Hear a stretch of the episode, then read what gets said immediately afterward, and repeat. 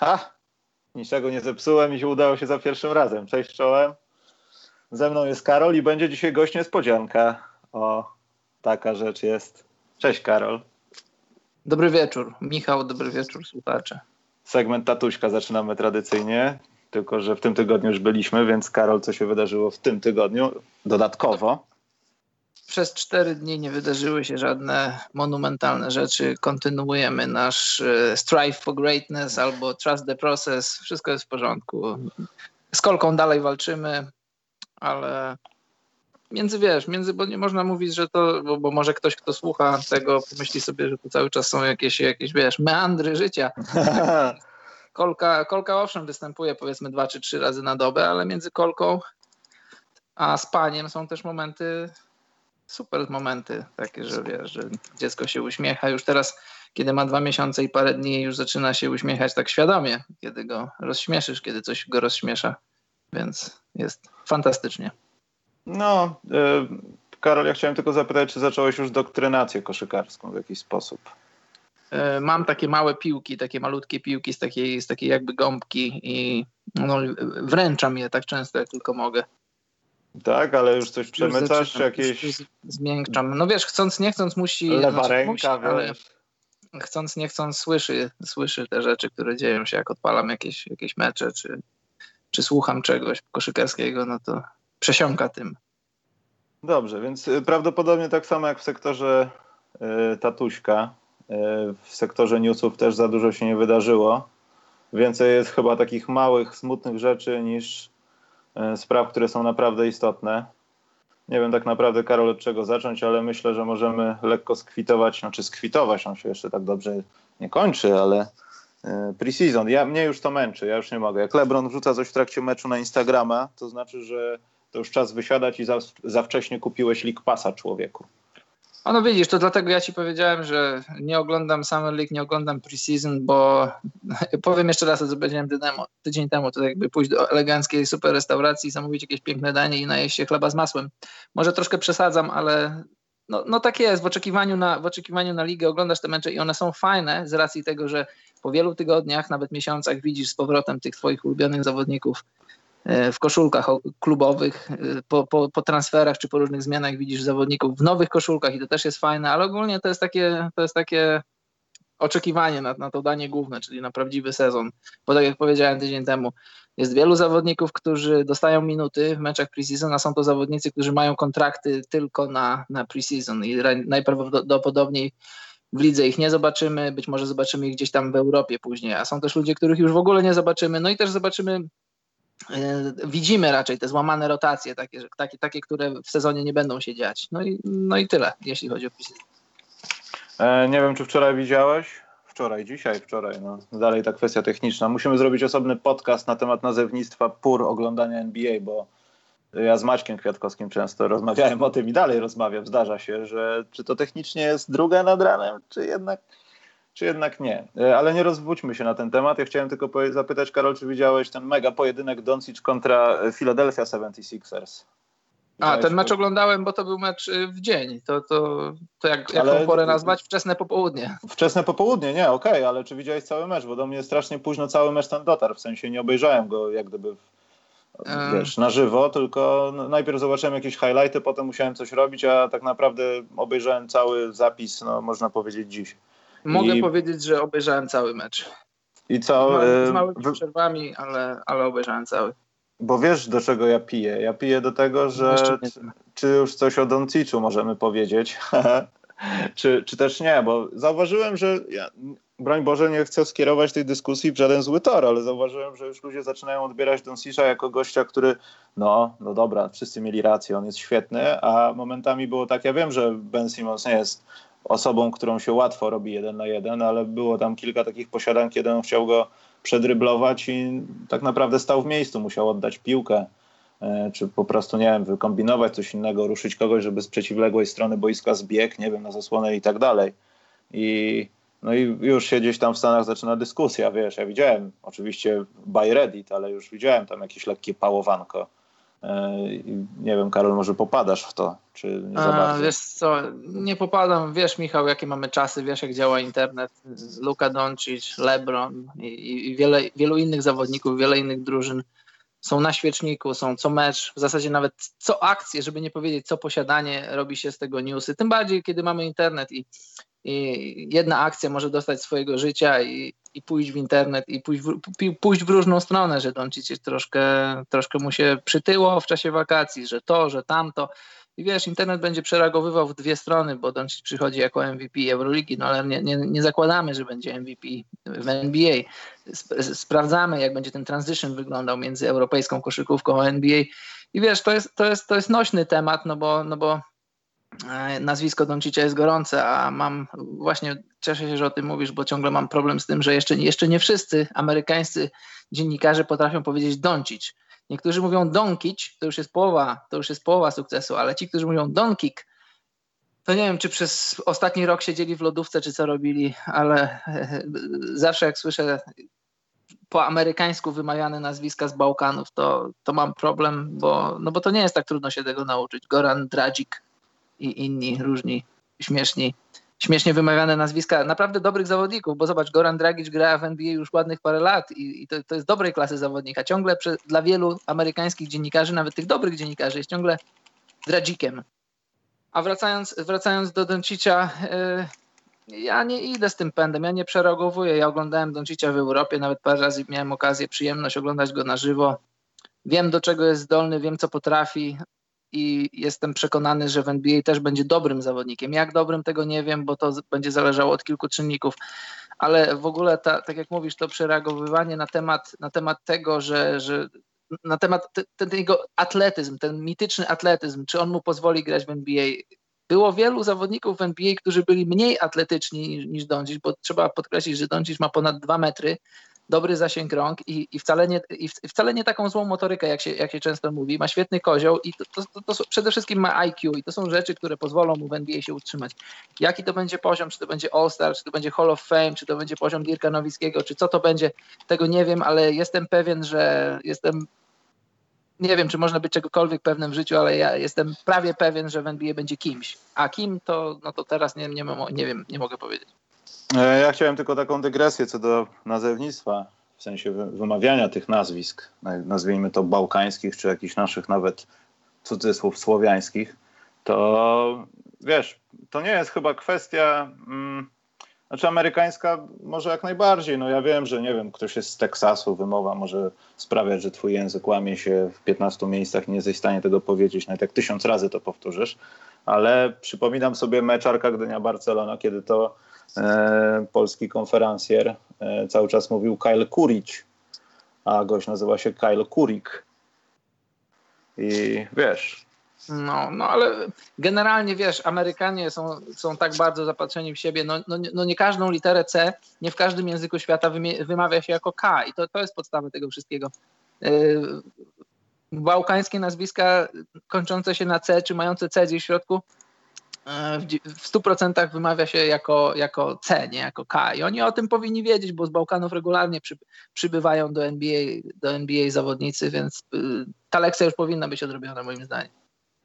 Dobrze, zamykając y, część lingwistyczną y, tych newsów. Mm, ja nie chcę mówić, że jakiś hura optymizm popadłem, czy coś takiego, ale uważam, że Naprawdę, Karol, musimy zastanowić się nad lekką y, reedycją naszej tabeli chyba. Ja wiem, że to jest pre-season, ale Karol, ja myślę, że musimy poświęcić tam jakiś osobny odcinek, przynajmniej w jednej trzeciej sezonu, żeby zmienić naszą tabelę, bo myślę, że pomyliliśmy się w kilku miejscach. Y, no ale wiesz, y, no. czekaj, przerwę ci. No, taki jest urok robienia, robienia linii na miesiąc przed rozpoczęciem sezonu. Możemy spróbować jeśli, jeśli będziemy mieli czas tuż przed rozpoczęciem sezonu, czy zmieniamy swoje typy już tak na, wiesz, tak lock it down na, na rozpoczęcie sezonu, możemy to zrobić, nie ma problemu. Bo być może teraz z perspektywy czasu, bo, bo tam, wiesz, pojawiły się jakieś nowe delikatne roszady, jakieś tam kontuzje i być może też w kilku miejscach bym zmienił swoją linię, no ale chyba nikt nie oczekuje od nas, że będziemy w 100% akuratni. Sami od e, siebie też tego nie oczekujemy chyba. Jedną rzecz sobie przypomniałem. Dwa podcasty temu rozmawialiśmy na temat zawodnika, który miał zagrać w finałach e, po przeciwległych stronach, tak? i mhm. Anderson Varejao, tam kilka osób wspomniało w komentarzach już nawet po streamie, nawet ktoś na czacie napisał, nie pamiętam, mam gdzieś screen, ale ktoś pisał o tym. E, Varejao hipotetycznie był w składzie, ale nie zagrał w dwóch. No. I to jest bardzo ciekawe, bo szukałem w wielu miejscach i nie znalazłem wielu odpowiedzi, no bo zwykle to jest wymienienie zawodników, którzy byli w kolejnych finałach, tak? I przeważnie to była jedna i ta sama drużyna. Ale Varejao to zły strzał. Ciekawe, czy faktycznie ktoś taki był. Właśnie mi się to przypomniało trochę. Bo miałem to zapisane i no, kontuzja mu zabrała ten taki przeciwległy finał. Ja tak. myślałem tak. o tym, ale no. akurat w tym momencie, kiedy o tym myślałem, się kąpałem, nie miałem pod ręką ani kartki, ani żadnego urządzenia elektronicznego, żeby myśl zapisać e, i wrócić do niej i, i, i później już do tej myśli nie wróciłem.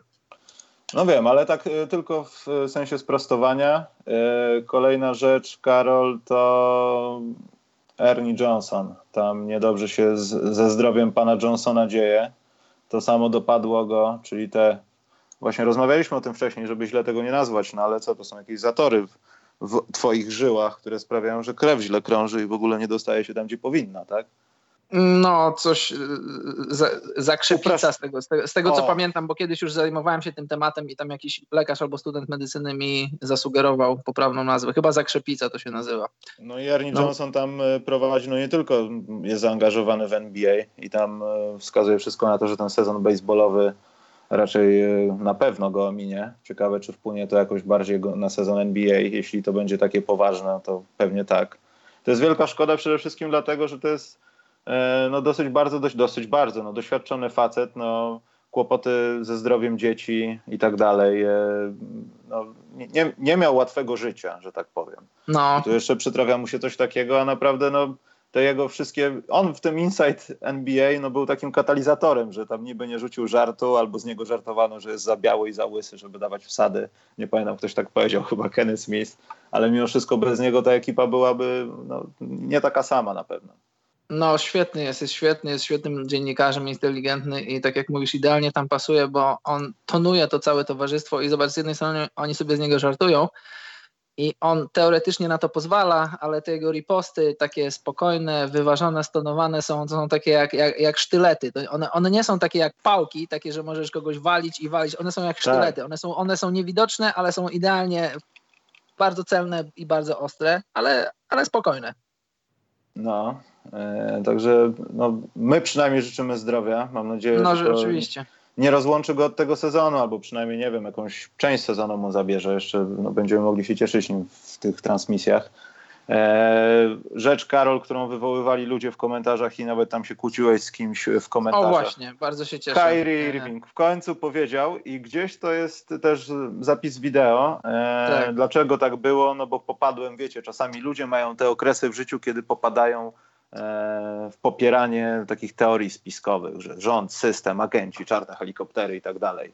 To e... pozwól, że nakreślę temat, skoro ja go. Ja Nakreśl. Znaczy, ja chciałem tak. tylko dorzucić taki kamyczek, czy to po prostu nie jest kolejny taki przykład, że ktoś na boisku może być geniuszem, jak gdyby najlepszym szachistą na świecie. Notabene jest dygresja Polska, walczy o w Mistrzostwach Świata Szachowych i e, czy przestała walczyć, właśnie nie patrzyłem i mo możemy wygrać Mistrzostwa Światowych w Polsce. Nie tylko gadamy o siatkówce, ale też szachy, kaman. Mistrzowie świata w szachach. To zasługuje w ogóle na osobny podcast. Nie, ale y, o, o, czym chcę powiedzieć, że y, wiesz, no świetny zawodnik, świetne bas basketball IQ, a na w życiu taki trochę debil. No nie chcę powiedzieć debil, ale taki wiesz. No. O Kyrie ja... Irvingu mówisz? Tak, no, ja no jak, jak, no jak, jak, można popaść, znaczy ja wiem, że to mógł być żart, nie, ale wiesz, jesteś świetny na boisku, a jednak wierzysz, że Ziemia jest płaska, bo obejrzałeś nie. kilka filmów na YouTubie, wiesz. No to, ale no to pozwól mi, pozwól mi sprostować i powiedzieć o co chodzi.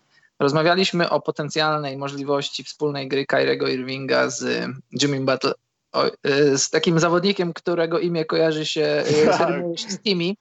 Którego nie wolno wymieniać. Tak, dzisiaj nie możemy. I ja powiedziałem, że, że Kyrie jako intelektualista, nie wiem czy, czy charakterologicznie z, z tym chłopakiem, z tym zawodnikiem, którego imię rymuje się z Timmy, e, do, dograłby się, dotarłby się i ktoś później, to chyba było w poprzednim podcaście albo dwa podcasty temu, powiedział mi, jak mogę stawiać za przykład intelektualisty człowieka, który wierzy w teorię płaskiej ziemi. No i tam wymieniliśmy kilka komentarzy i okazało się już wczoraj czy przedwczoraj, czy zresztą to, to już nie raz było, ale to, to parę dni temu w zasadzie można powiedzieć, że oficjalnie powiedział Kyrie, przeprosił za to, że powiedział, że Ziemia jest płaska, on wcale tak nie uważał. Ja, ja to mówiłem kilka razy. On to powiedział, on to powiedział w zasadzie, to był takie trochę zdanie wyrwane z kontekstu, bo to było powiedziane z tego, co pamiętam przed meczem Gwiazd. Wiecie, że jeśli masz okazję rozmawiać z Gwiazdą, no to to starasz się wyciągnąć tyle, ile się da. Jeśli wyciągnąłeś mało, no to starasz się tą, tę cytrynkę wyciągnąć, wycisnąć tak bardzo, jak tylko się da. No i dziennikarz po prostu wyrwał z kontekstu te słowa. A, a chodziło o to, żeby po prostu interesować się wiedzą, doczytywać, czytać różne rzeczy, po, poszerzać swoje horyzonty, ogólnie interesować się rzeczami. To miał na myśli i użył takiego skrótu myślowego, który który jak później pamiętamy e, zaczął żyć swoim życiem i, i trochę było. Niektóre, niektóre żarty były nawet fajne, że Kyrie wierzy w płaską ziemię, a, a najbardziej potyczną gazetą w Bostonie jest Boston Globe. No, ale jest to, zostało już to sprostowane i no i tyle, i, i, życie toczy się dalej. Ale ja się nie zgadzam z tobą, Michał, że ty mówisz, że, że, że tutaj inteligent boisko, a poza boiskiem nie do końca. Ja, ja postacią Kairiego od, od wielu lat się interesuję i staram się słuchać w zasadzie wszystkiego, czy czytać to, co on mówi.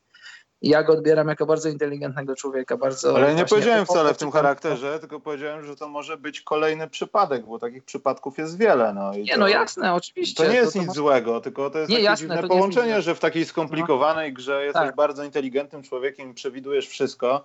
A masz takie, a nie inne sytuacje w życiu na zewnątrz. Ja nie mówię tutaj o jakichś sytuacjach, wiesz, damsko-męskich, ale po prostu wykazywania się brakiem no, inteligencji czasami. Jasne, to nie, oczywiście. Nie mówię tak o Irvingu, to... ale o innych przykładach. No, wielu jest takich przykładów, że jesteś, masz to boiskowe IQ na bardzo wysokim poziomie, a to takie, takie zwykłe IQ, takie przeciętnego człowieka, nie zawsze idzie w parze i z tym nie mamy problemu. Pamiętasz, rozmawialiśmy poprzednim czy dwa podcasty temu na temat um, Kawaja Lenarda, że, że to takie życiowe IQ, takie zwykłe, może wcale nie być na wysokim poziomie i my wcale tego od niego nie oczekujemy i wcale go nie hejtujemy z tego powodu, nie mamy żadnego problemu z tym, bo na przykład y, to samo Derrick Rose. Y, zawodnicy NBA czy ogólnie sportowcy nie są od tego, żeby, żeby wiesz, żeby y, wynaleźli szczepionkę na raka, żeby, żeby walczyli z jakimiś ekonomicznymi problemami. Oni są sportowcami i oczekujemy od nich, żeby uprawiali sport najlepiej, jak potrafią. Jeśli przy okazji są, są inteligentni i czym nawet mądrzy, oczytani, to, to tym lepiej, tym fajniej. Tak mi się wydaje. E, dobrze, ale to ta sytuacja musiała być zagaszona, bo to już. No musiało, musiało. To już musiało się zakończyć. E, o czym mieliśmy jeszcze powiedzieć, zanim zadzwonię naszego gościa niespodzianki? A o czymś mieliśmy powiedzieć, Karol? O czymś ważnym z NBA zapomniałem. A, wiem o czym miałem powiedzieć, ale ja już chyba mówiłem trochę o tym w zeszłym tygodniu, że e, chyba będziemy musieli z Sebastianem Hetmanem jakoś się połączyć, ponieważ, e, no już pomijając to, co się tam dzieje w NCAA, Williamsony i inne Zajony i w ogóle to, co tam się dzieje w Duke i w ogóle w całej sytuacji tam koszykówki akademickiej teraz, to ta sytuacja tego skandalu, skandalu, no tej całej sytuacji z FBI i tego, co się działo w zeszłym sezonie, chyba zatacza coraz większe kręgi, bo e, na Twitterze pojawiły się jakieś różne raporty dotyczące tego, że e, sąd chce rozmawiać i jest wymieniona lista nazwisk i oprócz tam jakichś szkoleniowców pojawia się Kyle Kuzma, pojawia się już Zion Williamson, Romeo Langford, który też jest nową falą, Jason Richardson, Nazir Little, Markel Fultz. Ja wiem, że to mogą być tylko przesłuchania albo jakiś błędny raport, ale myślę, że to zapowiada się całkiem ciekawie. Jeśli będzie aż tak grubo, to naprawdę e, to może w jakiś sposób uderzyć NBA. Jestem ciekaw, w jaki sposób e, to się stanie i czy w ogóle to się stanie po prostu. Ja e, myślę, że, że w, NBA, w NBA to nie uderzy w żaden sposób, bo, bo zawodnicy, którzy wyszli z NCAA, no już nie wyszli i koniec tematu. Ale nie, A, mówię w takim charakterze, co, wiesz, ale chciałbym, że sąd gnój się tak, będzie ciągnął, wiesz, tak, pozwy. To takie polowanie na czarownicę, bo bo wiesz, wszyscy wiemy, wszyscy, którzy interesują się sportem, a ci, którzy się nie interesują tym, powinni się tym zainteresować jako, jako tematem społecznym, bo to jest bardzo interesujące. Dla mnie to jest jedna, to, to jest jedna wielka obłuda, to jest kpina, żeby w dzisiejszych czasach y, takie procedery miały miejsce. Dla mnie, wiesz, dla mnie to jest półniewolnictwo, bo, bo zobacz, największe uniwersytety, Duke, North Carolina i you name it, te topowe uniwersytety, możesz iść online i kupić sobie buty w ich barwach, koszulki, wszystko, co tylko chcesz. uniwersytety mają, mają y, umowy sponsorskie z największymi firmami, jeśli, zaczynając od, od, od głupich ubrań i, i, i, butów i tego typu rzeczy, a kończąc na, na po profesjonalnych transmisjach z ESPN i w ogóle największych stacji telewizyjnych. Trenerzy zarabiają pieniądze na poziomie trenerów NBA. Zobacz kampusy uniwersyteckie, one, one mają bazę, bazę treningową lepszą niż, niż niejedne państwa, całe państwa y, mogą sobie tylko pomarzyć. I ci biedni zawodnicy, biedni w cudzysłowie i bez niego także, ci biedni zawodnicy nie mają z tego nic. Mają darmowe jedzenie na kampusach, mają e, stypendia sportowe, ale to jest nic, bo ci ludzie generują pieniądze i zobacz te, te przepisy NCAA, te obłudne, brzydkie, brudne przepisy NBA, NCAA, możesz, jeśli trener zaprosi cię po meczu na pizzę, to możesz być ukarany za to. Nie może trener, nie może nikt e, z obrębu uniwersytetu przekazywać niczego e, zawodnikom. A, a jak jest, wszyscy wiemy, bo tajemnicą Poliszynela jest to, jak, jak to wszystko wygląda że zawodnicy są rekrutowani w nielegalny sposób, że pod stołem naprawdę ciężkie, ogromne pieniądze się, się są przekazywane, pieniądze, różne dobra, samochody na poczet, na poczet przyszłych sukcesów. Bo wiadomo, zawodnicy, którzy są pro, pro, projektowani, przepraszam, że, że używam takich amerykanizmów, ale w tym momencie nie wiem, jak to, znaczy wiem, ale idę z tym jeśli zawodnicy są, e, wiadomo, że zawodnik będzie wybrany w drafcie, no to wiadomo, że będzie zarabiał porządne pieniądze, więc, więc dla tych agentów, dla tych różnych ludzi działających przy uniwersytetach, to znaczy nieoficjalnie, to jest dobra inwestycja, bo kupujesz mu samochód, dajesz mu jakieś 100 tysięcy dolarów i wiadomo, że wiadomo, że on będzie ci wdzięczny, że, że, że ta inwestycja się zwróci. I naprawdę mamy 2018 rok, a, a ten proceder, który się dzieje, to, to, to rzuca cień naprawdę na, na, nie chcę powiedzieć, że na cały system wyższego szkolnictwa w Stanach Zjednoczonych, no bo jednak to dotyczy sportowców, studentów, nie wszystkich studentów, ale naprawdę NCAA musi coś z tym zrobić, czy ogólnie to jest już ponad uniwersytetami. Ja uważam, że, że rząd powinien się tym zająć w jakiś sposób. I moja, e, moja recepta jest na to prosta. Nawet kilka miesięcy temu pisałem na ten temat. Zawodnicy powinni być, powinni dostawać normalnie, powinni mieć płacone za, za granie w NCAA. Bo zobacz, było tylu, wielu, tylu zawodników w historii NCAA, którzy, którzy wiedzieli, że jak działa ten system i przychodzili tylko na rok, tylko żeby odbębnić ten rok, żeby przyjść do NBA. Najlepszy przykład, no znaczy najlepszy przykład, pierwszy z brzegu, Ben Simmons. Olał sobie pół sezonu w NCAA, bo wiedział, że zostanie wybrany z jedynką draftu i nie chciał, nie chciał tracić zdrowia i nie chciał nabijać czyj, czyjś kieszeni, chociaż i tak je nabijał samo, samym faktem, że tam był. Więc y, wypływają nowe różne rzeczy, ale one będą cały czas wypływać, bo, bo, to, bo to jest proceder, który się dział, każdy o tym wiedział, ludzie przymykali na to oko i jeżeli naprawdę FBI, FBI chciałoby zacząć drążyć, y, to, to, to na pewno coś znajdą. I cóż możemy więcej powiedzieć? No, to, jest, to jest brudna gra. To jest, to, jest, to jest gra, która otwiera przyszłość wielu zawodnikom, no bo jeśli jesteś Amerykaninem, to, no to w dzisiejszych czasach już troszkę otwiera się droga, bo możesz po liceum pójść, nie wiem, do, do Europy, pójść do Chin, bo, bo siatka kontaktów i ogólnie scouting zawodników jest lepszy już. Nie, nie, nie, tylko pod lupą jest NCAA, w zasadzie cały świat jest pod lupą, więc jeśli jesteś talentem, to raczej raczej nie zginiesz gdzieś tam w świecie. No ale generalnie to jest najłatwiejsza droga. Jeśli jesteś świetny, to jeśli chcesz zdobyć edukację, to idziesz do NCAA, grasz rok, potem idziesz do NBA. I... Dobra, Karol, bo ja muszę do, musimy do gościa dzwonić. Chris Webber, wszystko, LeBron, to będzie, to będzie cały czas tak samo. Za jakiś czas wszystkie przepisy będą tak ustalone, że niby ma się to skończyć, ale tam e, na niższym poziomie zacznie się prawdziwa gra, która znajdzie swoją końcówkę tak naprawdę w NCAA i to wszystko będzie wyglądało identycznie. Także wydaje mi się, że to i tak nic nie da, chyba że naprawdę będą jakieś straszne obostrzenia.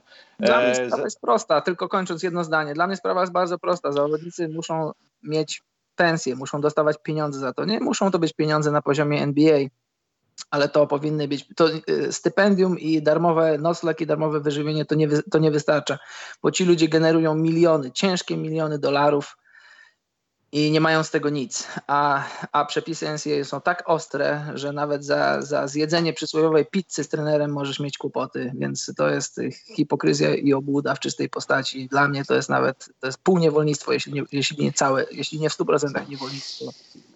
Chciałbym, żeby ktoś się tym zajął. Tak konkretnie.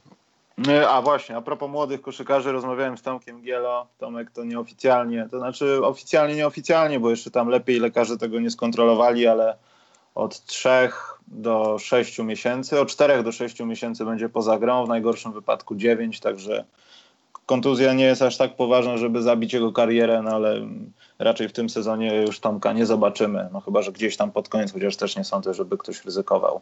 Także taki mały raporcik, a ja dzwonię do naszego gościa. Karol, możesz opowiedzieć jakąś y, śmieszną historię, bo mi zajmie to sekundę. Śmieszną historię? Tak, śmieszną historię ze Szwecji. Z życia czy z, z koszykówki? Z życia w koszykówce nawet może być. A wiesz, w koszykówce ogólnie w Szwecji jest dużo różnych śmiesznych rzeczy, bo wiesz, e, e, społeczeństwo szwedzkie w ostatnich latach jest bardzo, to znaczy coraz bardziej zróżnicowane. Ludzie są, są z różnych krajów i jak przychodzimy do meczu i jest prezentacja, to zawsze tam wpisujemy swoje imiona i nazwiska. Znaczy pytają nas i przy prezentacji mówią, kto w dany mecz będzie sędziował i jeśli sędziujesz z jakimś Szwedem, no to pytają Szweda, jak się nazywa. Jeśli wiesz, nazywa się jakiś tam Tobias Holmberg, no to nie ma problemu. A jak widzą ludzi takich e, trochę ciemniejszych, to dla, dla, dla bezpieczeństwa e, nie pytają, jak się nazywasz, tylko podają ci kartkę, żebyś napisał. I ostatnio sędziowałem e, z takim jednym chłopakiem, jego rodzice są z Iranu. No ja też taki trochę jestem ciemny i facet, który, announcer, który, który, e, który zapowiadał te, te wszystkie rzeczy, podszedł do nas, tak spojrzał i mówi o chłopaki, napiszcie swoje imiona na kartce.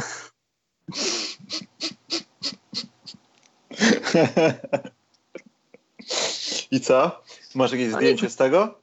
Napisaliśmy, nie wiesz, to nie jest dla mnie żadna nowość, to, to już jest mój e, szósty sezon tutaj, to wiem jak to jest, ale powiem ci, że zawsze biorą mnie za, za kogoś, kim nie jestem. Zawsze jak mówię, że jestem z Polski, to, to mi ludzie nie wierzą i zawsze mi dają właśnie jakiś e, Bliski Wschód, jakiś Iran, Irak i tego typu kraje. Nie wiem, czy to dobrze, czy niedobrze, ale tak jest. To niech może nasz gość się wypowie, czy to jest dobrze, czy niedobrze, bo też jest na obczyźnie, prawda Przemek? Były podcasterze? No właśnie tak zdaję sobie sprawę, że wpadłem prosto w rozmowę o, o tych o problemach rasowych i tego typu rzeczach. Spoko, zaraz będzie gorzej, będzie znacznie gorzej, będzie głębiej. Jest, jesteśmy już na wizji, na fonie? Cały czas, cały czas. Cały czas. Wiesz, Cały czas. Cześć Przemek. Czyli, czyli, cześć Karol, czyli rozumiem, że wy nie schodzicie w ogóle z tego. Nie schodzicie Nie. z łącz. Nie, To jest już donaty, 24, 24, 24 na 7. Dokładnie. Wieczorami ludzie- Stary. No. Wieczorami ludzie s- słuchają jak ten, jak pocisz się przez sen. Najlepsze jest to, że słuchają w dalszym ciągu, wiesz. Plus minus z większymi uwagami, ale tak jest. Przemek, y, jak się czujesz jako były podcaster? Bo pracujesz i zarabiasz pieniądze i nie odprowadzasz podatków do Polski, bo dokładasz do obcego kapitału. Jak się do, czujesz? do, dokładam do obcego króla nawet. Co, Jezus. czuję się, jak, się, jak się czuję. No, no nie, nie jest to e, spełnienie moich e, najskrytszych marzeń, ale e, za coś trzeba jeść. Rozumiem, ale ja z, Bartkiem rozmawiałem, ale możesz tak nieoficjalnie powiedzieć, y, będziesz w ogóle mi- miał chwilę jakąś, żeby się do, dorzucić, dograć albo cokolwiek, bo ludzie o to pytają, Przemek. Niestety ludzie E, pytają.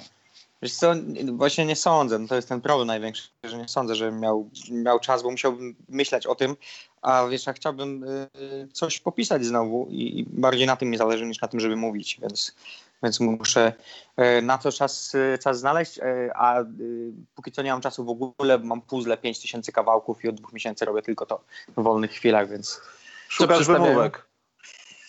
mam wieżę, wieżę Babel, Mhm. Peter Bruegel starszy. Super. 5000 kawałków, jestem w trakcie wieży. E, Przemek, jak z podróżami? Gdzie, gdzie byłeś teraz? Byłem, y, byłem na wakacjach całkiem niedawno, wróciłem właśnie z, y, byłem w Walencji, byłem y, pod Walencją na południe w takiej małej wioseczce i byłem w Rzymie. Nie napadł cię nikt tam? W Rzymie? No. A w Rzymie napadają?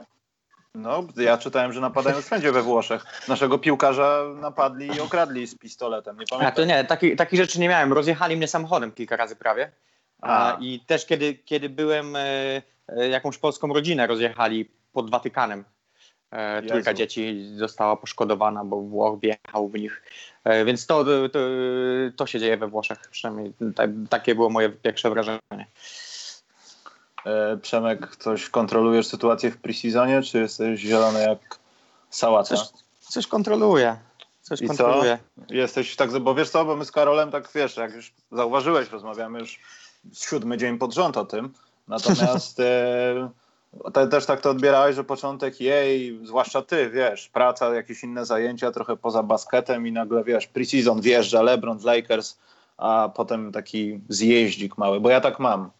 Się strasznie jarałem tydzień temu, a teraz tak a, A to nie, zobaczę tego wiesz co, ja- ja ale już się nie jaram. No właśnie się nie zacząłem jarać, ja się zacznę jarać, jak się sezon, sezon faktycznie zacznie. Myślę, że wtedy, wtedy się wkręcę na nowo e, zupełnie. Jakoś tak przez te wakacje odpuściłem koszykówkę e, i teraz e, powoli zaczynam wracać do tego. Czym jesteś najbardziej podjarany na nadchodzący sezon, Przemek? Yy, wiesz co, no właśnie, właśnie chyba jestem bardzo ciekawy te, tego, kim będzie Luka Doncic. Yy, bo poza tym, no jak już LeBronem w Lakers, ale jakoś ciężko mi się, ciężko mi kupić tę narrację, że, że tam się będzie coś działo, wiesz, wartego uwagi z punktu widzenia yy, układu sił w lidze. Yy, a, a Doncic, nie wiem, no mam takie przeczucie, nie przeczucia, może bardziej chciałbym, żeby, żeby to był Hall of, Hall of Famer przyszły i żeby to był gość, który e, pozamyka usta wiesz, ludziom w Stanach, którzy do dzisiaj mm, mnóstwo z nich nie wierzy w tego chłopaka zupełnie. Albo się okaże, że koszka, europejska koszykówka jest głównowarta i, i Doncic zostanie bastem. Zobaczymy. No ale chyba się możemy w- trójkę zgodzić. No nie wiem jak Karol na to, ale e, w przypadku Doncicza to taki rookie wall może trochę szybko przyjść. W sensie, że on wiedzie w ten sezon, ten pierwszy miesiąc może będzie jakiś super. Też nie mówiliśmy Karol o tym, ale no tam e, wieje szpitalem. No ja nie wiem, czy Dirk Nowicki rozpocznie sezon w ogóle gdzieś tam, wiesz, w kwietniu, bo tutaj łokieć, tu kolano, mimo wszystko wiek leci i to też może pokazać, że wie, że Doncic nagle zostanie z tym wszystkim sam tutaj będzie coś robił, a potem uderzy w taką ścianę, że będzie grał gorzej po prostu, bo to będzie kolejny jego zawodowy sezon. No, trzeba tak na to patrzeć, a nie pierwszy sezon w NBA. Euroliga to nie są słoiki z ogórkami. No. No ja właśnie patrzę, ja patrzę, sorry, że Przemek przerywam, Y, patrzę na to trochę inaczej z racji właśnie tego, że, że Doncic w przeciwieństwie do większości, raczej wszystkich tych zawodników, y, debiutantów, którzy przychodzą do NBA, on już ma doświadczenie z zawodowej koszykówki, on wie, że, że w trakcie rozgrywek masz takie, powiedzmy jakiś taki styczeń, luty, takie mniej ważne mecze, znaczy ważne, ale trochę mniej ważne w kontekście walczenia o cokolwiek. I on wie, kiedy, kiedy trochę przyhamować, kiedy trochę pospać dłużej, kiedy trochę e, bardziej zwracać uwagę na dietę i to są rzeczy, o których on już wie. On już, on już od kilku ładnych lat jest, jest zawodowym sportowcem i myślę, że no, znaczy pewnie go spotka ten rookie wall, no bo to są jednak 82 mecze. Intensywność gry jest trochę inna niż w Europie, ale, ale nie wiem, wiecie, ja też, też, też trochę jestem niepewny tego wszystkiego, ale, ale z drugiej strony e, dla mnie sufit Doncicza, zgadzam się z Przemkiem, dla mnie to jest, to jest nie tylko All-Star, to może być Hall of Fame i to będzie zależało od wielu czynników, to powiedziałem na początku, ale jestem przekonany, że, że, że nie będzie bastem. No bo jeżeli jesteś wiodącą postacią w Europie, jeżeli możesz być MVP Euroligi, to, to naprawdę z całym szacunkiem dla NBA, ale, ale Euroliga nie jest taka słaba, że byle kto może zostać jej MVP. Więc nie wiem, czy będzie po- postacią formatu All-Star, czy, czy nawet Hall of Fame, ale jestem Ale Karol, ja nie mówię o tym, że on, uderzy, że on będzie bastem, tylko że y, wcześniej czy później każdy z tych pierwszoroczniaków uderza w ścianę. Ona Wiesz, ale ta ściana, czas. a tak, ale ta ściana, Ta ściana, wiesz, może zająć ci tydzień, może zająć ci miesiąc, może twoja forma spłaszczyć się, mówiąc statystycznie, do końca sezonu i cyferki już nie będą takie fajne, a ty będziesz wyglądał jakby na zmęczonego, bo mogą nadejść takie momenty, ale to nie znaczy, że będziesz bastem. Tak, ale to rezultacie, mówię, wiesz. ta ściana przychodzi, ta ściana przychodzi z różnych przyczyn.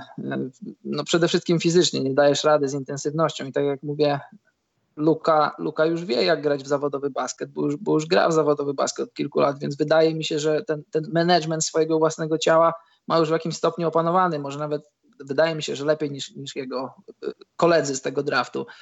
Czy może przyjść ściana ze względów, nie wiem, jakichś tam osobistych, że, no, że jednak to jesteś w innej kulturze, w innym kraju, y, jest inna specyfika rozgrywania meczów, dużo podróżujesz, musisz te swoje, swoje rutyny odnośnie chociażby takich głupich spraw, jak przylatujesz do jakiegoś miasta i wiesz, gdzie dobrze zjeść, dobrze, dobry, zdrowy posiłek. E, gdzie dobrze się wyspać, w jakim hotelu. Znaczy to zabezpieczają kluby, no ale ta, ta, ta, tego typu rzeczy, co zabrać ze sobą. I on będzie potrzebował czasu, żeby przywyknąć do, do tego reżimu bycia w NBA i na, na pewno na jakimś etapie go to spotka, bo, bo e, rookie wall e, odnosimy do, do debiutantów, jak sama nazwa mówi, ale takie, takie obniżki formy dotykają każdego na przestrzeni sezonu.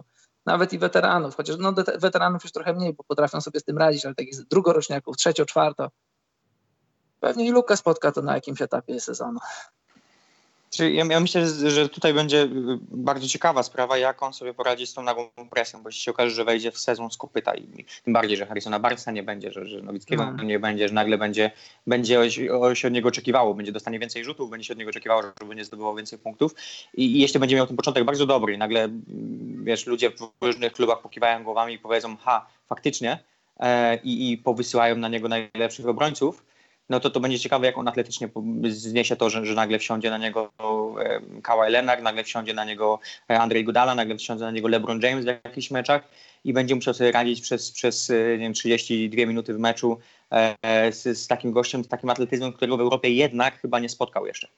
Więc to będzie ciekawe pytanie, jak, jak, jak on to zniesie. Czy, czy, no, mi się wydaje twardym chłopakiem. Jednak pokazywał w tym zeszłym sezonie, że, że, że, jest takim zadziorem trochę, więc e, pokazywał, że się nie boi E, nie boi challenge'u tutaj, e, ale mimo wszystko e, takie ciała tego typu atletów jeszcze nie, nie spotkał chyba w swojej karierze, więc na pewno nie, nie, nie, nie, nie, nie w takiej codziennej grze, że, że, że wiecie, we wtorek gra przeciwko Lebronowi, w czwartek gra przeciwko Kałajowi.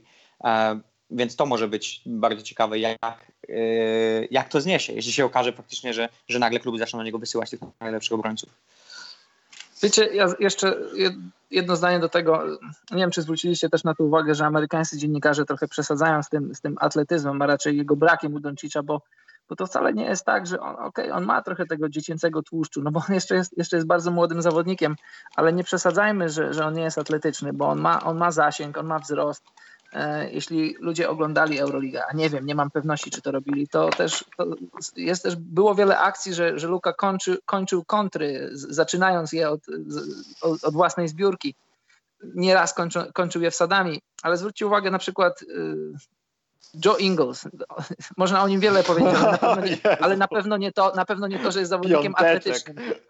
No właśnie, można o nim powiedzieć wiele dobrych rzeczy, ale na pewno nie to, że jest atletyczny. I Joe Ingles jest zawodnikiem świetnym, który znalazł sobie miejsce w NBA, dostał fajny kontrakt, y, jest zawodnikiem rotacji dobrego składu, więc... Y, ale, ale no nie jest pierwszą opcją, wiesz, nie jest drugą opcją w zespole. Jest, jest, jest, wiesz, jest zawodnikiem zadaniowym, gdzie się świetnie odnajduje. I teraz pytanie, rzecz w tym, że, że, że dla Luki jednak myślimy o tym, że to będzie inna rola że, że domyślnie, może w pierwszym sezonie jeszcze nie, ale w przypadku kontuzji, kto wie, a, a domyślnie, domyślnie no on, on ma być tą, tą osią zespołu, wokół którego wszystko się będzie kręciło i teraz e, no, będą go spotykali, będzie go spotykał, no nie, nie sądzę, żeby zespoły, wiesz, ustawiając się przeciwko Utah Jazz, nie, nie sądzę, żeby, żeby, e, żeby tutaj cały scouting opierał się na tym, jak zatrzymać Joe Inglesa. Natomiast w przypadku Luki Doncicza być może coś takiego się zacznie wydarzać i, no i, i to będzie troszkę inna, troszkę inna historia wtedy. To prawda, ale teraz, teraz pytanie na ten sezon dla, dla Mavs i ogólnie dla obserwatorów NBA jest pytanie, o co grają Mavs w tym sezonie, bo, bo ich linia, bookmacherzy ustawi, ustawili ich linię na poziomie 35 zwycięstw, więc mało kto zakłada, że ta drużyna może zrobić playoffy. My rozmawialiśmy z Michałem, że to znaczy przy wielu różnych pozytywnych układach y, Mavs mogą powalczyć o te playoffy. Czy je zrobią, to tego nie wiemy. No ale załóżmy, że, że będą jedną z drużyn, które nie będą tankować i też yy, no, nie będą słabe. A, a, jak dobre będą, to ciężko powiedzieć. Myślę, że ta, ta, tak duża będzie ta presja na Donciczu, jak, jak Rick Kyle i, i Mark Cuban będą chcieli, żeby była. Bo jeżeli będzie presja na to, żeby wygrywać, no to wiadomo, że wszystkie ręce na pokład i kto może, ten nie gra dobrze i wiadomo, że, że od wysokiego piku w drafcie od MVP Euroligi będzie się oczekiwało, że będzie grał dobrze. Ale jeżeli rozważnie podejdą do tego, tego pierwszego sezonu Luki i będą wiedzieć, że znaczy będą mieli świadomość tego, że to jest inwestycja na, na dwie dekady może, to, to myślę, że dosyć, dosyć płynnie przejdzie przez ten sezon, bo pamiętacie, że Dirk Nowicki miał bardzo słaby pierwszy sezon i, i naprawdę nie wyglądał, nie wyglądał jak zawodnik, który może być tym, kim ostatecznie był. Amen. Kropka. Dob dobrze, Przemek, bo też Ciebie zaprosiłem, bo wiem, że uwielbiasz tą drużynę i w ogóle tego zawodnika chyba też, o którym będziemy rozmawiać, dlatego jest odcinek 32 i będziemy rozmawiali o panu Magicu Johnsonie. Ja wiem, Przemek, że jesteś fascynatem historii o Lakers, ale tak was obu zapytam. E, jak długo, znaczy ja wiem, że to jest grzebanie w fusach, nie? ale niewątpliwie sytuacja, kolokwialnie mówiąc, już pomijając wszystkie atuty Magica Johnsona, zaraz pogadamy o tym, kogo byśmy podobnego znaleźli i czy to już nie jest tak, że to już samych Johnsonów będziemy się doszukiwać w tej lidze. Ale czy to nie jest tak, e, jak długo musielibyśmy czekać, e, albo NBA musiałaby czekać na to, co się stało dzięki Magicowi i Laremu Birdowi w zasadzie? Bo tak naprawdę to jest taki, no nie wiem, no kamień milowy tego, że liga zaczęła odzyskiwać twarz i przede wszystkim pokazywać tą twarz dalej, że staliśmy się poważni, mamy gwiazdy, mieliśmy jakieś kłopoty wcześniej, były dominujące zespoły, które po prostu przejmowały na amen kompletnie ligę i tego się nie dało oglądać. Poza tym wiadomo, no, poprzednie czasy nie, czasy nie były aż tak bardzo medialne, jeśli chodzi o telewizję i w ogóle media, internet. No, no, Magic Johnson to też nie czasy internetu, ale już bardziej medialne e, historie działy się wtedy w Stanach. Powstanie gdzieś tam ESPN-u i tak dalej. E, czy, czy to by nastąpiło mniej więcej w tym samym czasie, czy liga dalej byłaby wtedy w takim jakimś złym stanie? Jak długo ale musieliby ma... ludzie, ludzie czekać na to, żeby się taki Magic z Birdem pojawili? Ale co masz na myśli? Jakie, jakie zadajesz pytanie? No zadaję pytanie takie, jak długo liga, gdyby to się nie stało, jak długo liga, liga musiałaby czekać na pojawienie się dwóch takich osób? Gdyby bo, Magic się nie pojawił? Gdyby Magic, ta cała sytuacja, Johnson, wiesz, yy, z Birdem, no, bo to, bo to tak naprawdę to było kluczem lata, do wszystkiego. No. Cztery lata, do 84 roku, kiedy Michael Jordan pojawił się w lidze. no, to jest dokładnie. proste, Michał. Ale też z drugiej strony Jordan, wiesz, nie miał takiego kogoś, kto też na swoje musiał poczekać, no i to historia LeBronów, Jamesów i tak dalej, a tutaj, wiesz, nagle masz dwóch kolesi, którzy zawsze ze sobą walczyli i są, wiesz, Tupac i Biggie. Znaczy, wiesz, no, to była idealna narracja. W, w, latach 80. do tego biały przeciwko czarnemu, Los Angeles przeciwko Bostonowi, wiesz, Showtime przeciwko tej białej drużynie z, z rasistowskiego miasta i tak dalej. E, I e, to była idealna narracja dla, dla, telewizji, ale wiesz, czasami troszkę może przesadzamy z tym, jak wielką rolę odegrali John Magic i, i Larry Bird, e, nie biorąc pod uwagę faktu, że e, no, że to były czasy, kiedy, kiedy pojawiła się telewizja kablowa i, i nagle y, zaczęto oglądać e, tego typu sport jak koszykówka y, właściwie zaczął docierać do całych Stanów. To już nie była jedna telewizja, która, która dawała te mecze. E, można było dotrzeć do, do większej ilości kibiców. I wiadomo, że, że, że, że Bert i, i, i, Magic się wpisali w to idealnie, z tą, z tą, z tą właśnie rywalizacją, rywalizacja Lakers-Boston i tak dalej. E, natomiast myślę, że, że gdyby ich nie było, to telewizja by coś wymyśliła. Myślę, myślę że to, to była większa siła. A to plus, plus e, też David Stern, który, który przecież już od początku lat 80., zanim jeszcze został komisarzem, już pociągał za sznurki. E, I on też stał w dużej mierze za tym, za tym że liga oczyściła się i, i, i z tych historii z, z brutalnością, z tych historii z narkotykami i nagle ten, ten wizerunek tej, tej, tej złej ligi e, gdzieś odszedł w niepamięć. Więc e, no to by się stało siłą rzeczy. Do tego nagle pojawił się Michael Jordan.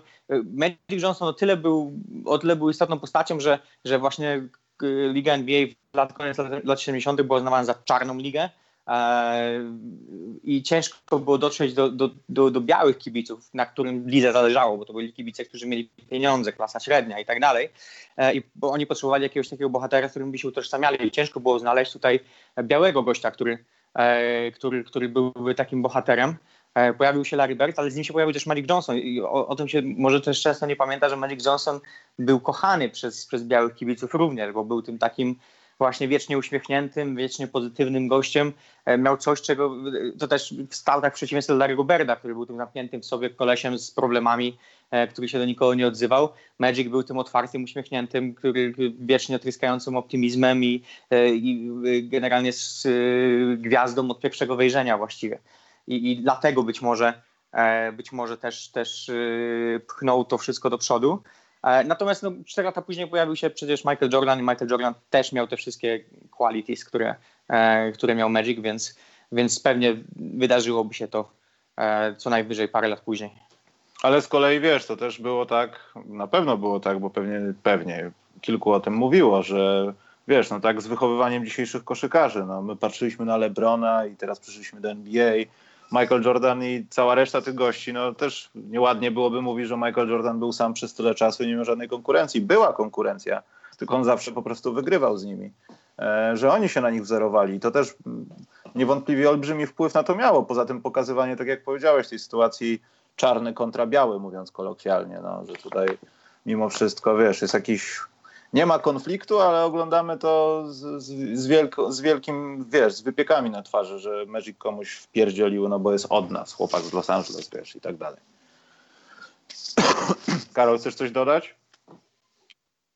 No w zasadzie chyba nie już.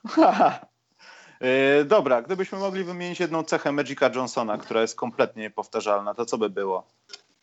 Co by to było w zasadzie? Na boisku czy poza?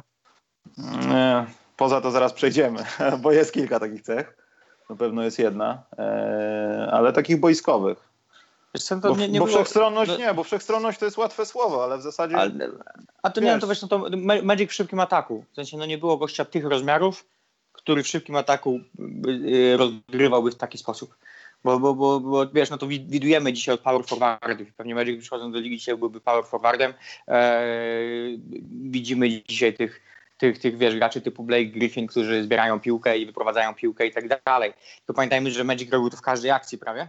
E, w, też nie na początku, na początku przychodząc do ligi też nie grał od razu jako, jako rozgrywający. Oddano, był Norm Nixon w, w Los Angeles najpierw, oddano mu piłkę, kiedy przyszedł Patrelli, dopiero do tego klubu Magic dostał właściwie dowodzenie tym zespołem i mógł grać i robić co tylko chciał.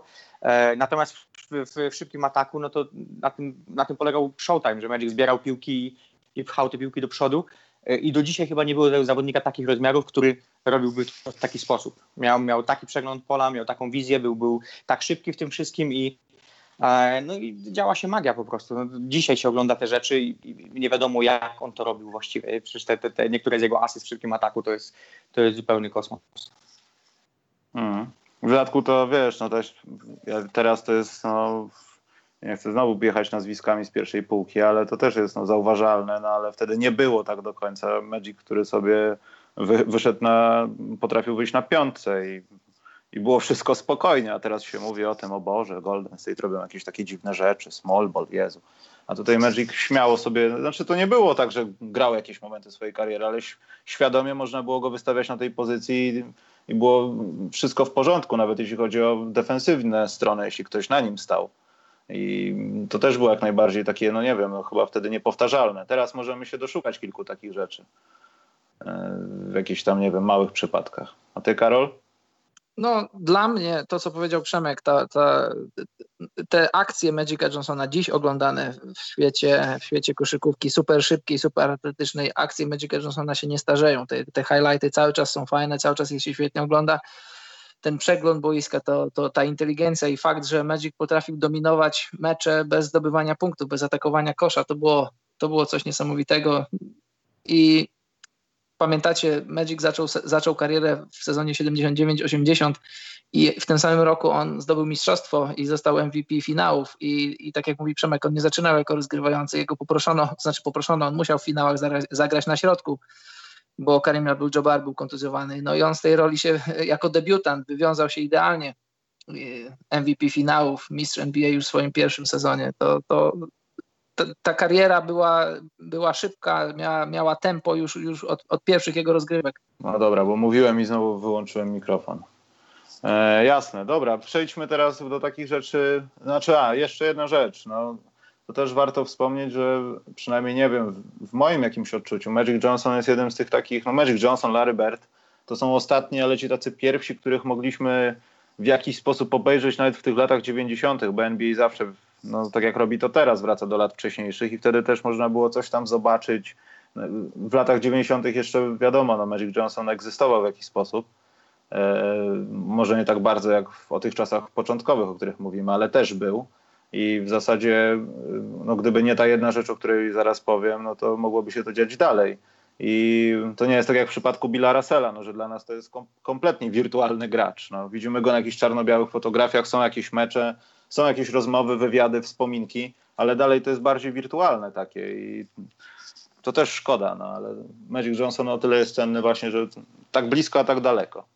Dobra, co, panowie, co by się stało, gdyby Magic Johnson nie miał tej całej sytuacji z wirusem HIV i w ogóle gdyby to się nie stało?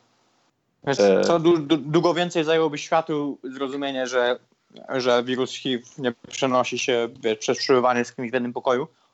To jest jedna rzecz, że, że Magic Johnson i fakt, że, że wiesz, że, że osoba o tak wysokim profilu, tak lubiana, e, zmienił zupełnie wizerunek tej, tej, tej choroby w, e, w świecie, przede wszystkim w Stanach oczywiście. E, ale druga rzecz jest, no, trzeba pamiętać, że on odchodząc jeszcze był właściwie w swoim prime jeszcze był powiedzmy w końcówce swojego prime, ile miał 31 lat, kiedy, kiedy, kiedy, kiedy ogłosił odejście, jeśli się nie mylę, e, więc e, no, miałby jeszcze parę lat grania na bardzo, bardzo wysokim poziomie. Pewnie z czasem przeniósłby się z pozycji rozgrywającego do pozycji silnego skrzydłowego, co, co zrobił przecież wracając w tym sezonie 95-96, kiedy zagrał 32 mecze, tak? tak. E, mm. to, to, to, to pojawił się właśnie na tej pozycji i pewnie tak to by się właśnie wydarzyło, że że y, z czasem gdzieś tam pewnie około roku 93, 94 przeniósłby się na tę pozycję i dalej byłby pewnie efektywnym graczem, rozgrywając gdzieś tam z post, wyprowadzając szybkie ataki i tak dalej. I kto wie, czy nie miałby długiej kariery nawet do 37-38 roku życia. E, więcej asyst, więcej punktów, więcej zbiórek.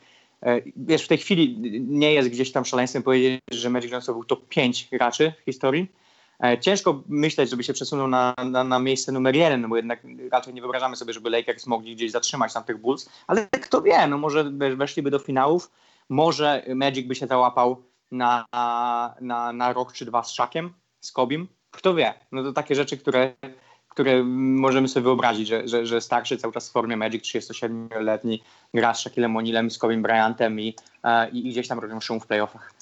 Więc myślę, że straciliśmy parę dobrych lat jednego z najlepszych graczy w historii i to jest tragedia.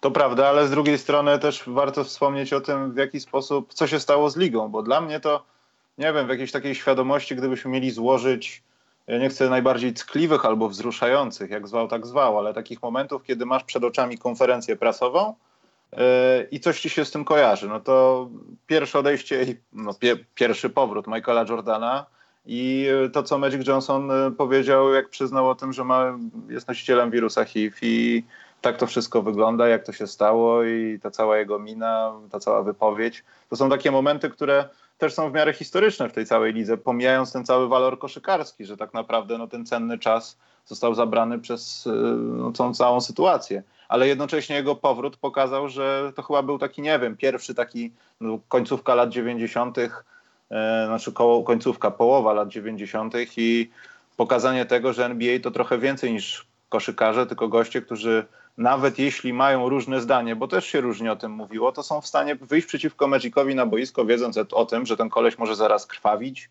a ja pod paznokciem też mogę mieć ranę i możemy się dotknąć. I to też pokaza, dało wiele po prostu w świadomości ludzkiej, no bo koszykówka to przetłumaczyła w jakiś sposób. No. Wiesz co, je, jeszcze raz, David Stern, no to, to jest jego zasługa i to, że on przecież, e, pamiętajmy, że Magic już po odejściu został wybrany do meczu gwiazd i David, David Stern po prostu zmusił innych graczy do grania z nim. To nie było tak, że, że, że ludzie byli bardzo chętni. Wiesz, mówi się głośno o tym, że, że Karl Malone był niechętny, mówi się głośno o, o, o, innych graczach, ale no, jestem pewny, że na początku lat 90. praktycznie każdy sobie zadawał to pytanie wtedy czy na pewno to jest bezpieczne. Czy, pamiętajmy, że, że, że, że AIDS było wtedy, no, zbierało śmiertelne żniwo i, i ludzie byli przerażeni. I myśląc o tym, że, że tutaj nagle niech, niech właśnie e, przez przypadek mnie zadrapie paznokciem i co będzie w czasie meczu. I, i tutaj no, olbrzymia odwaga. Dzisiaj, dzisiaj się o tym nie pamięta, dzisiaj się chyba tego nie docenia, ale olbrzymia, olbrzymia odwaga Davida Sterna, że, żeby zgodzić się na to i żeby jednak zobligować zawodników do, do tego, że, że, że mają z Magiciem zagrać. No i, no i zagrali, to otworzyło drogę do tego, żeby Magic zagrał na Igrzyskach w Barcelonie, co znowu otworzyło drogę do tego, że cały świat zobaczył, że, że ten gracz zarażony wirusem HIV może grać w koszykówkę, może przebywać z wszystkim i tak dalej. E, dzisiaj pewnie ciężko sobie uświadomić, jak duża to była rzecz w tamtych czasach. Zatem Karol, ty powinieneś być insiderem, no bo Magic tak samo jak trochę Scottie Pippen Chyba Scott Pippen też w szwedzkiej czy w fińskiej, ale miał mały incydent ze szwedzką ligą. Grał i tu, i tu, Scotty. I, I, w Szwecji, i w Finlandii po jednym meczu. Grał w Topo, w Torpan Pojat. Ale Magica kojarzysz w tej szwedzkiej opcji? Bo ja tak w e, zasadzie kiedyś się z tym spotkałem. Tak, no.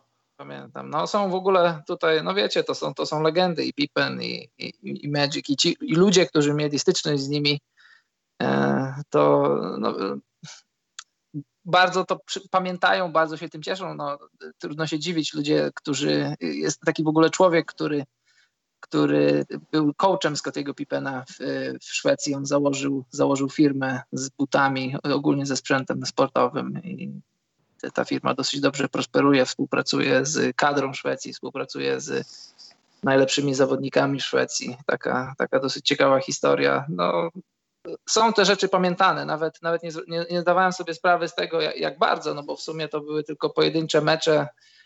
No a jednak, jednak tak. A nie wiem, jeszcze wracając do, do Magica i jego, jego, jego choroby, znaczy wirusa. Nie wiem, czy pamiętacie, jak Magic wrócił w sezonie 95 na 6 i takie znamienne było to, jak grali z Bulls i przez cały mecz Dennis Rodman krył Magica i w zasadzie tulił się do niego, przytulał ze wszystkich stron, żeby pokazać, że, że żeby trochę odczarować ten wirus, to tabu.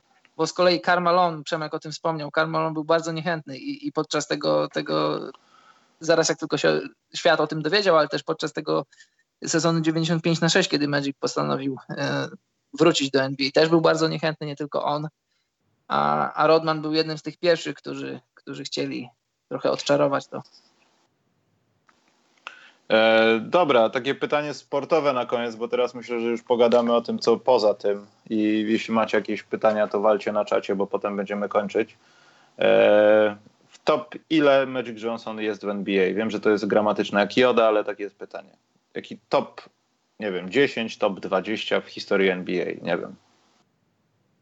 10 to na pewno, spokojnie, bez, bez problemu. Ja bym się zastanawiał nad top 5. Ja bym Odważnie. go widział w, ja bym go widział w top 5 i ze względu na to pamiętajmy, to jest 5 tytułów mistrzowskich, to jest 8 finałów NBA. Magic Electric zdominowali lata 80. E, Dobrze, to, to aż się boję rywale. zapytać, to Przemek, jakie jest twoje top 5? Moje top 5? No. Y, Jordan, James, Karim Abdul-Jabbar, Magic Johnson, Larry Bird. Fuck. Ja bym wyrzucił z tego grona e, Karima Abdul-Jabbara i wrzuciłbym do tego grona młodego Szaka, ale tylko przez ten czas, kiedy był młody i taki eksplozywny bardzo, a nie już jakieś potem popeliny i chyba bym postawił tak samo. Chociaż pewnie zmieniłbym zdanie. No ale przepraszam, mówiłeś coś Przemek. Yy, nie, no mówiłem właśnie to, że, że to jest ta piątka. A ty, Karol, jaką masz piątkę? Jordan, LeBron, Magic i nad dwoma musiałbym się jeszcze zastanowić, bo nie robiłem tej swojej piątki nigdy. Teraz robię ją po raz pierwszy, ale myślę, że mógłbym się z Przemkiem zgodzić. Bert, y, Abdul Jabbar, ewentualnie za Jabara mógłbym mieć y, Shaka. Mógłbym Albo mieć... Hakima. O. Hakim to lepszy Jabbar trochę. Ale dobra, zanim skończymy się What? rzucać gównem. Ha, właśnie, o to chodzi. Żartujesz sobie? Bo Karol wie, Przemek nie wie, wie, że przetłumaczyli książkę Simonsa i będzie Great Book of Basketball wkrótce do nabycia w przepięknej wiem. Polsce. Oczywiście, że wiem. I powiem ci, że mam nadzieję, że będzie też trochę tak, że może nie będzie bardzo zdeaktualizowana, albo ktoś nie będzie wiedział z roczników 2005, co to jest Arvidas Sabonis, bo on tam też jest ale właśnie to a propos tych takich dyskusji, kto jest w top czego, wiesz. No właśnie to, to zastanawiam się, jeśli chodzi o tą książkę, czy są tam, wiesz, disclaimery, że, że książka była pisana, wiesz, przed finałami 2011, e, gdzie e, Simons pojechał ostro Dirka Nowickiego, nigdy nie zdobędzie tytułu, gdzie Simons pojechał o, ostro LeBrona Jamesa, nigdy nie zdobędzie tak, tytułu. Tak, ale nie, a... E, to jest któreś wydanie poprawione, więc to jest to poprawione najbardziej aktualne, ono jest chyba z, nie wiem, 11, nie, nie chcę kłamać, nie wiem ale jest najnowsze możliwe, w sensie, no mam tłumaczenie i widziałem, że tam jest taki dopisek, także to chyba ale treść, to, co... Ale treść książki nie była poprawiona przecież. Nie, coś tam było zmieniane, jeśli chodzi o Lebrona właśnie. Był jakiś dopisek. Ale sam mówicie Rata. Prawdopodobnie tak, jak mi się Ale wydaje. to wiesz co, to, to w moim nie chcę wydaniu... Kłamać. Ja mam, wiesz, ja, mam, ja, ja mam wydanie z 2013 chyba i w moim wydaniu już jest, jest jakby...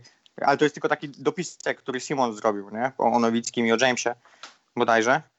Aż mnie zaintrygowałeś i sprawdzę. Jeśli się nie mylę, czekaj, z którego roku ja mam wydanie? E, bo książka jest z 2009.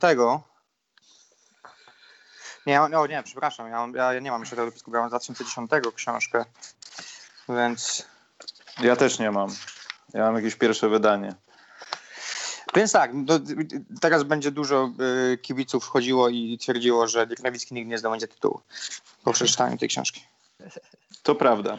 To też taka jest możliwość. Ja mam z 2009, więc nie ma w ogóle możliwości, żebym to miał. No nic, yy, ale ten, ale to chciałem powiedzieć. Yy, chciałem teraz, ja nie pamiętam, a Karol wymienił tą swoją piątkę. Yy, to przejdźmy może do Magica, który jest w post karierze. Zabrał się za Los Angeles Lakers. On będzie się z tego cieszył, że to się wszystko stało z LeBronem Jamesem i wszyscy stwierdzą, że Magic to jest jedna z niewielu tych osób, która przekroczyła Rubikon bycia legendarnym zawodnikiem, jest świetnym, powiedzmy, yy, front office'owcem. Czy, czy tak się nie stanie? Wiesz co, ja myślę, że to, to, ja bym się też zgodził. A myślę, nie. że nie.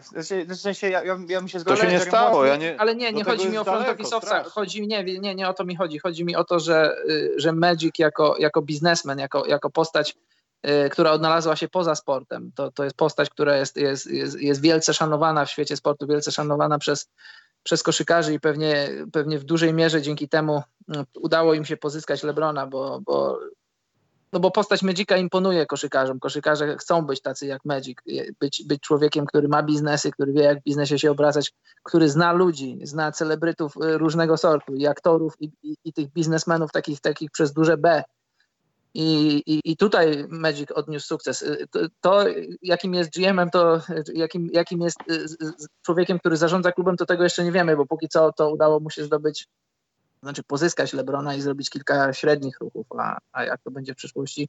Mając, mając Lebrona dużo masz już łatwiej, mają, będąc w LA dużo masz łatwiej, mając taką markę jak, jak, jak Lakers na, na koszulce też jest łatwiej, więc ciężko będzie, ciężko będzie to zebrać wszystko i tak wymiernie ocenić jaki jest Magic. Ma wiadomo też, ma, ma też Pelinkę, ma też rodzinę Bas, E, nie, no zgoda. W sensie. A, okej, okay. nie, bo czekałem na zupełnie, wypowiedź. Te cisze nie, no, zupełnie, dziwne. Zupełnie, a zupełnie, zupełnie nie mam, nie mam pojęcia, kim jest Magic, jeśli, jeśli chodzi o, o, o to, ile wie właściwie, bo to zawsze jest pytanie, jeśli chodzi o Ale no, koszykarzy. Ile, no, ile, ile, to... ci, ile ci ludzie wiedzą? E, wiesz, poza tym, że grali, że znają ludzi, to, to czy oni faktycznie wiedzą coś o tym sporcie z punktu widzenia GM-a. To jest zupełnie inna bajka niż, niż bycie na boisku.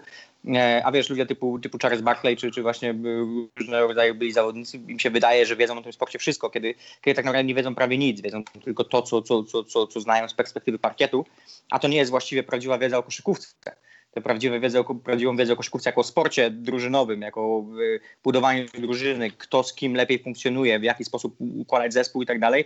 E, zazwyczaj no, nie ma wielu zawodników, którzy tę wiedzę posiadają. To są, to, są, to są duże wyjątki ludzi, którzy wchodzą na ten poziom. I czy, czy Magic jest takim, zawodnikiem, tak, takim, takim człowiekiem? Ciężko powiedzieć, ale też ciężko powiedzieć, czy musi być, bo, bo, bo może jego siłą będzie to, że będzie wiedział, jak się otoczyć dobrymi ludźmi, którzy mają tę wiedzę i, i, i to będzie klucz. Więc teraz pytanie, e, bo pewnie najgorsze, co może mu się wydarzyć, to, to, to może się okazać, że, że będzie mu się wydawało, że wie wszystko.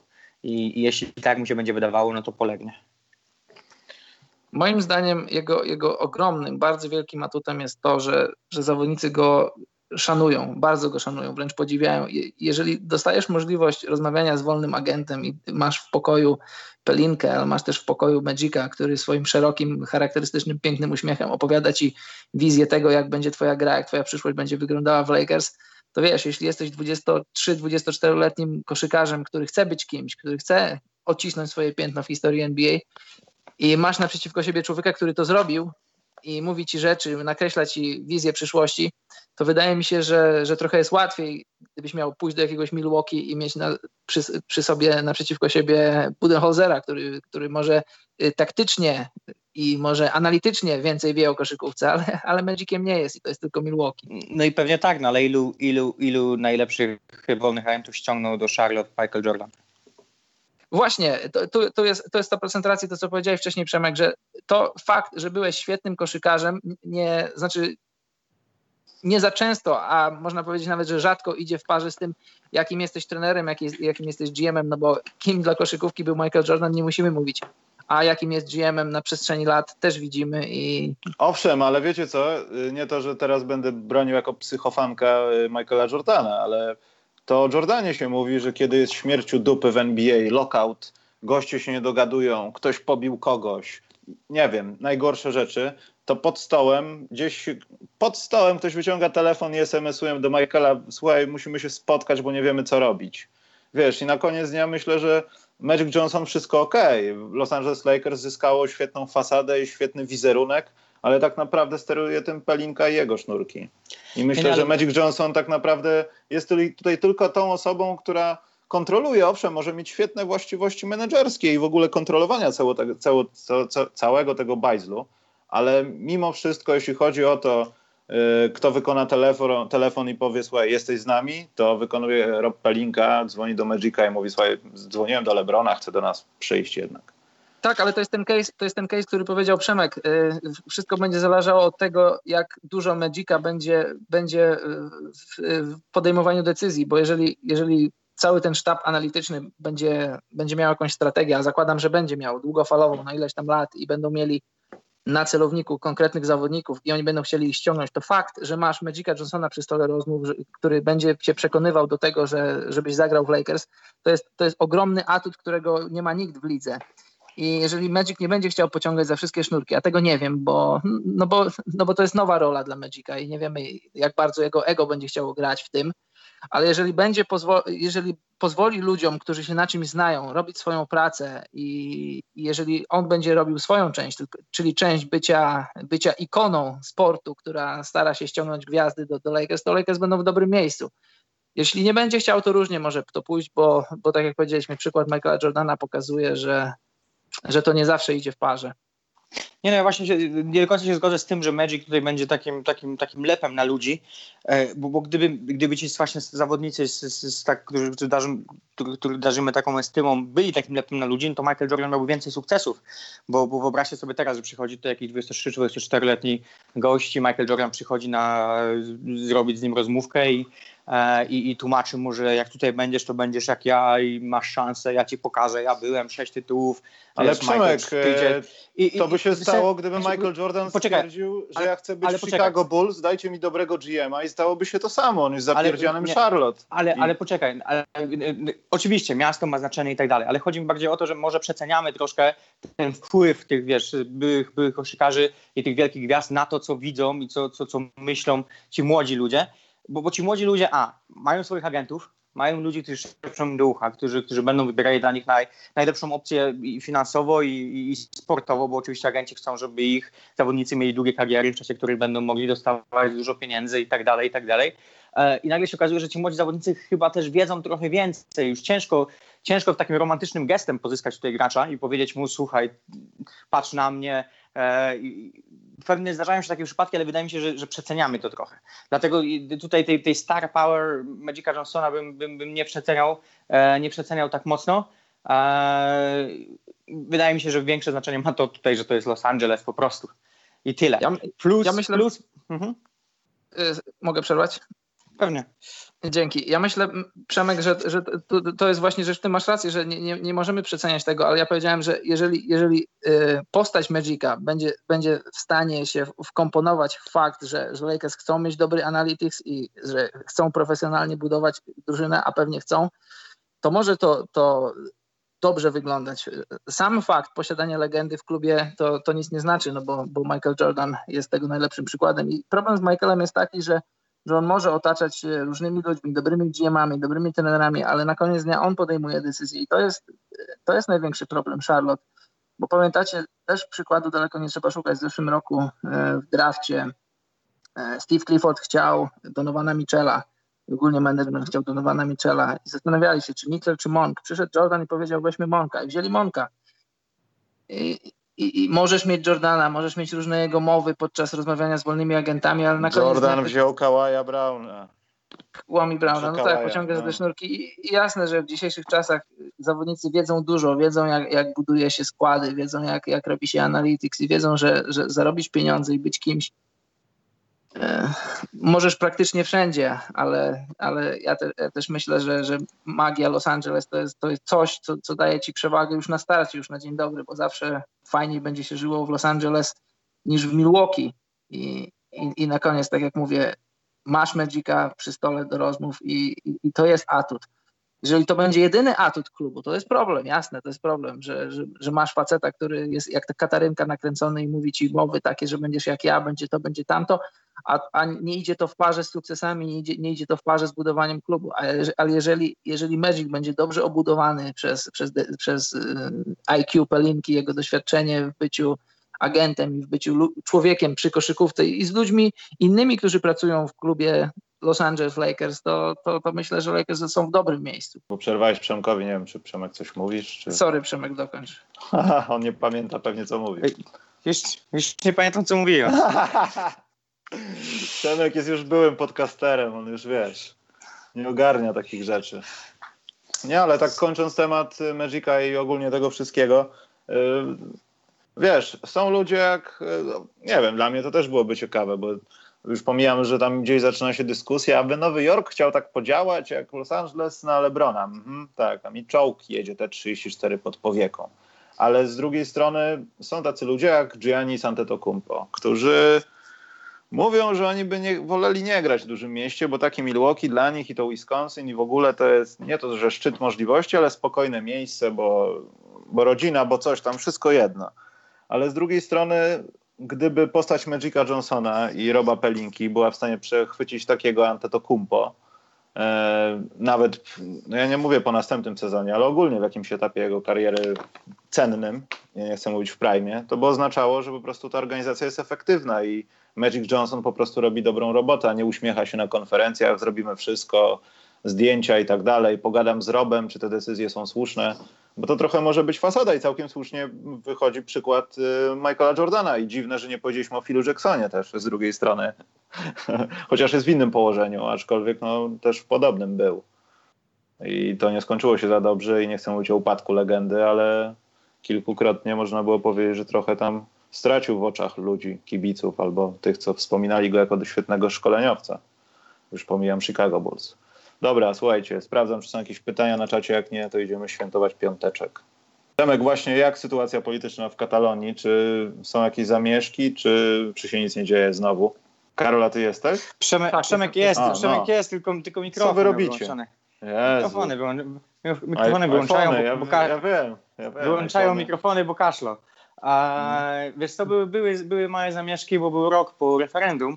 No właśnie, więc... dlatego pytam latały helikoptery, jak w Nowym Jorku. No I bili się troszkę z policją, były zamieszki małe, bo jednocześnie na ulicę wyszli ludzie, którzy są za odłączeniem, z ludźmi, którzy są przeciwko odłączeniu e, i postanowili się po, po, pobić trochę. E, żadnego jakiegoś tam szczególnego hardcore, no ale e, w sensie ja byłem zirytowany, wracałem do domu i musiałem jechać wokół, więc tego typu życie tutaj mamy. Ale, ale no, nie, nie, nie ma tu jakichś tam większych głosów i tak dalej, bo bo, bo, bo no, ucichło dosyć mocno już, nie? W sensie cały czas są, wiesz, jakieś tam e, flagi na ulicach, cały czas są e, żółte wstążki dla więźniów politycznych, tego typu rzeczy, ale, ale no tu w mieście się tego nie czuje, tak jak w zeszłym roku się to czuło, nie? więc mhm. zupełnie inna bajka teraz. Czyli klasycznie Przemek... wszyscy olali, jest 18, mamy to w dupie, tak? Przemek, mam pytanie do ciebie. Tak na porządku dziennym pytają ciebie ludzie, co ty sądzisz o tym? Czy jesteś za przyłączeniem się, odłączeniem nie. się? Czy nie, nie. Nie, wiesz co, Katalończycy generalnie raczej nie, e, raczej nie, nie, nie próbują włączać w to, e, w to ekspatów. I mam, wrażenie, że tak generalnie nie, nie ma na to pomysłu systemowego, bo, bo, bo myślę, że, że oni mogliby gdzieś tam ekspatów, wiesz, jako że to jest naprawdę wielka, wielka społeczność e, obcokrajowców, mogliby włączyć tych obcokrajowców w ten ruch, wiesz, no nie wiem, e, obiecując e, obywatelstwa, nieobywatelstwa, wiesz, cokolwiek dla, dla ludzi z zagranicy, ale oni sami nie do końca wiedzą chyba, w sensie wiesz, mówię tutaj o ruchach, partiach politycznych i o ruchach ruchach e, e, katalońskich, oni nie bardzo mają propozycje dla ekspatów i chyba nie traktują poważnie tej społeczności tej międzynarodowej, w tym sensie, że nie słyszałem kiedyś, żeby, żeby katalońscy politycy na przykład, wiesz, zwracali się bezpośrednio do nas, do nas, obcokrajowców mieszkających tutaj z jakąś propozycją, że tutaj, wiesz, będzie wam dobrze, kiedy będzie tutaj wolna Katalonia. Raczej nie, nie, nie było nawet takich dyskusji, więc to jest e, no jesteśmy tak trochę z boku tutaj powiedzmy w ten sposób i, i też y, nie zdarza się tak, że jakieś wiesz, przychodzą i zagadują i pytają, co ty myślisz o tym i tak dalej. Nie? Wiesz, wiadomo, że rozmawiasz o tym ze znajomymi, ale oni też raczej nie są zainteresowani tym, czy ty chciałbyś niepodległości, czy nie, bo, bo raczej wszyscy mają takie założenie, że nawet jeśli Katalonia odzyskałaby niepodległość, to nic by się nie zmieniło. I to jest taka generalna generalne, generalne, generalne myślenie chyba. Ja pamiętam jak byłem w Hiszpanii, jak mój tata pracował, to było dawno, 2004 rok. I jeździliśmy po południowej Hiszpanii, tam różne miejsca odwiedzaliśmy znajomych mojego taty i dwa pytania były, podstawowe pytania, jak wchodziliśmy do czyjegoś domu. Czy jestem za Realem, czy za Barceloną? A drugie pytanie, czy jestem za tym, żeby, czy jestem za tym, żeby Gibraltar należał do, z powrotem do Hiszpanii? Dwa pytania. No tutaj, znaczy nie, tutaj cię zapytają, może czy jesteś za Barceloną, czy Realem. Chociaż nie, nie zapytają cię, wszyscy wiedzą, że będziesz za Barceloną, bo powiedzmy w ten sposób. Także nie, no, katalończykom, katalończycy nie są zainteresowani obcokrajowcami generalnie. Mamy jedno pytanie, możemy na nie odpowiedzieć i możemy iść. Yy, tylko jest bardzo głęboki. Łukasz Gero pyta, czy Jordan ma tytuł GOAT i takiej legendy przez bycie pierwszą wielką gwiazdą, gdy weszła telewizja? Nie. Nie. Nie.